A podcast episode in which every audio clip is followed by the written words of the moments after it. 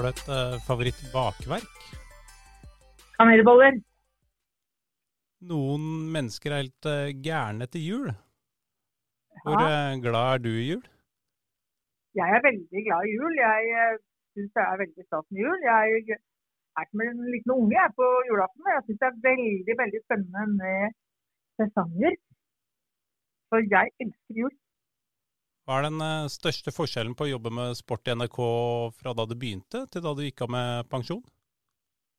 Ja, Det er mange forskjeller. For det første så er jo redaksjonen blitt mye større. Eh, og så har jo Radiosporten og NRK-sporten blitt så sammen. Og så er, jo digitale medier kommet. Og så er det jo også forskjell på sendingene. En, en kommentatorjobb i begynnelsen jeg var der, det var jo liksom Da kommenterte vi en sending, og det var bare selve konkurransen som ble sendt. Men nå er det jo et stort apparat når det er store sendinger fra store begivenheter. Nå er det jo både reportere, det er reportasjer, det er direkte intervjuer, det er kanskje litt sånn eh, humor og moroting som også blir laget. Så det er veldig veldig stor forskjell. Er du en uh, handy person som fikser alt uh, selv, eller er det sånn som meg som må kontakte fagfolk for uh, nesten alt? Ja, jeg må kontakte fagfolk for det meste, men jeg maler selv. Det, jeg har malt leiligheten min flere ganger og sånn. Jeg maler alt unntatt tak. Hvis du skulle vært med i Kvitt eller dobbelt, det temaet som ikke er sport, hva ville det vært? Ja, Det tror jeg måtte vært Eurovision Song Contest. Det har jeg fulgt nøye med på i mange mange, mange år. Det syns jeg er en veldig kul, kul greie. fordi eh, det er en konkurranse. Jeg elsker konkurranse og spenning. Jeg er ganske elendig til å prute når jeg er i utlandet. Hvordan er du til å prute på priser? Nei, jeg, jeg har aldri pruta hele mitt liv, for det tør jeg rett og slett ikke. Jeg er altfor beskjeden til å gjøre det, så jeg betaler det du forlanger. Jeg. Man hører uh, av og til, i hvert fall, på uh, radioprogrammer om kantina på NRK. Hvordan er kvaliteten på den? Ja, kantina på NRK var jo fantastisk, egentlig. Det, jeg husker jeg var sånn kjendisbarnevakt for det vi ble sendt på NRK, da, men det var noe som ble sendt i en annen telekanal. Og da hadde jeg med meg ungene på frokost. Jeg passa jo på barn et døgn og hadde dem med på frokost i kantina på NRK. Og de var, de var helt sånn elleville. Og her skulle vi ha jobba, og her de var helt over seg over hvor mye godt de kunne få kjøpt der. da. Men jeg må vel si at eh, jeg tror kvaliteten har sunket litt etter at NRK ga det fra seg. For nå er det private som driver der, og jeg syns det var bedre før. Hva tror du du hadde jobba med hvis du ikke ble journalist? Nei, det aner jeg ikke. Fordi at jeg eh, bestemte meg for å bli sportsjournalist da jeg var ni år gammel og jobba målretta mot det. Jeg eh, tenkte etter hvert at, jeg, at, det kanskje var noe jeg bare skulle holde på med en stund. Og så skulle jeg da kanskje bli journalist eh, for noe annet. da, Kanskje politisk journalist eller nyhetsjournalist eller noe sånt. Men slik gikk det jo ikke. Men nei, det vet jeg ikke. altså. Da måtte jeg tenkt helt på nytt igjen. Jeg regner med at det er litt forskjellig hvor mye journalister eh, forbereder seg til sending. Hvem av de du har jobba med har forberedt seg mest? Ja, Nå er det jo litt vanskelig for meg å vite hvor mye andre forbereder seg.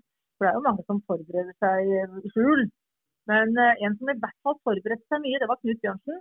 Og han lærte meg at det ikke var skam å forberede seg. For uh, i begynnelsen jeg jobba der, så er det så tvil om at uh, noen av de gutta de liksom skulle skjule at de forberedte seg. Da. Det var liksom ikke kult å forberede seg for mye, for de skulle liksom ta alt på sparket. Men jeg tror jo de også forberedte seg i skjul. Hva var ditt favorittreisemål i forbindelse med jobb?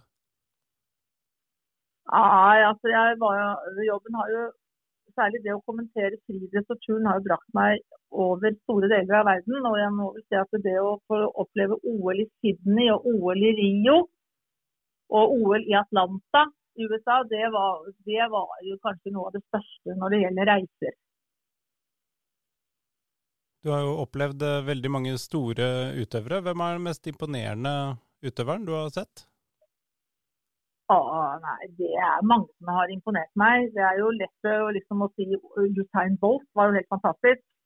Og nå er, er, er jeg veldig imponert over Karsten Warholm og den framgangen han har hatt siden han tok det første VM-gullet i London. Så, og Marit Bjørgen har imponert meg. Bjørn Dæhlie, Therese Johaug, Thomas Alsgaard. At jeg kan bare liste de opp. Så det er eh, En annen som imponerer meg nå, er jo Erling Braut Haaland, som herjer i Premier League. Så nei, det er mange som har imponert meg. Er det mange som kommer opp til deg eh, når du er ute i eh, friluft og vil snakke sport med deg? Ja, det er jo det som gjør det. Kanskje særlig menn da, som vil snakke sport. Men damene de vil helst snakke med meg om antrekkene mine som jeg hadde på TV når jeg jobba som programleder. Jeg har fått veldig mye skryt for de klærne jeg brukte. Det syns jeg var veldig stilig kledd og sånn. Og jeg har fått, fått veldig mye sånn spørsmål opp gjennom åra om hvor jeg har kjøpt ting. Så det er jo hyggelig at de likte det jeg hadde på meg. Hvor uh, kul er egentlig Arne Skeie? Arne Skeie er en veldig hyggelig fyr. Og en, var en veldig, veldig god kollega. Og da Arne Skeie sluttet, og det var noen avskjedsselskap for ham, så ble jeg tvunget av sjefen min til å holde tale. Og jeg måtte gjøre det da, og da avsluttet jeg på følgende måte. Det jeg tror vi jenter kommer til å savne aller, aller mest når du slutter, er at nå vil det ikke være noen som lenger kaller oss for darling hver dag.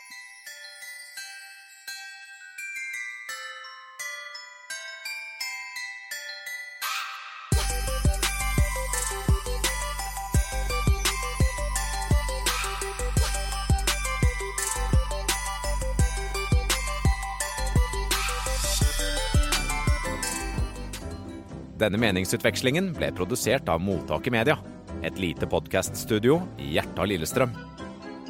Sjekk mottaket.studio på verdensveven, eller søk oss opp på Alta Vista.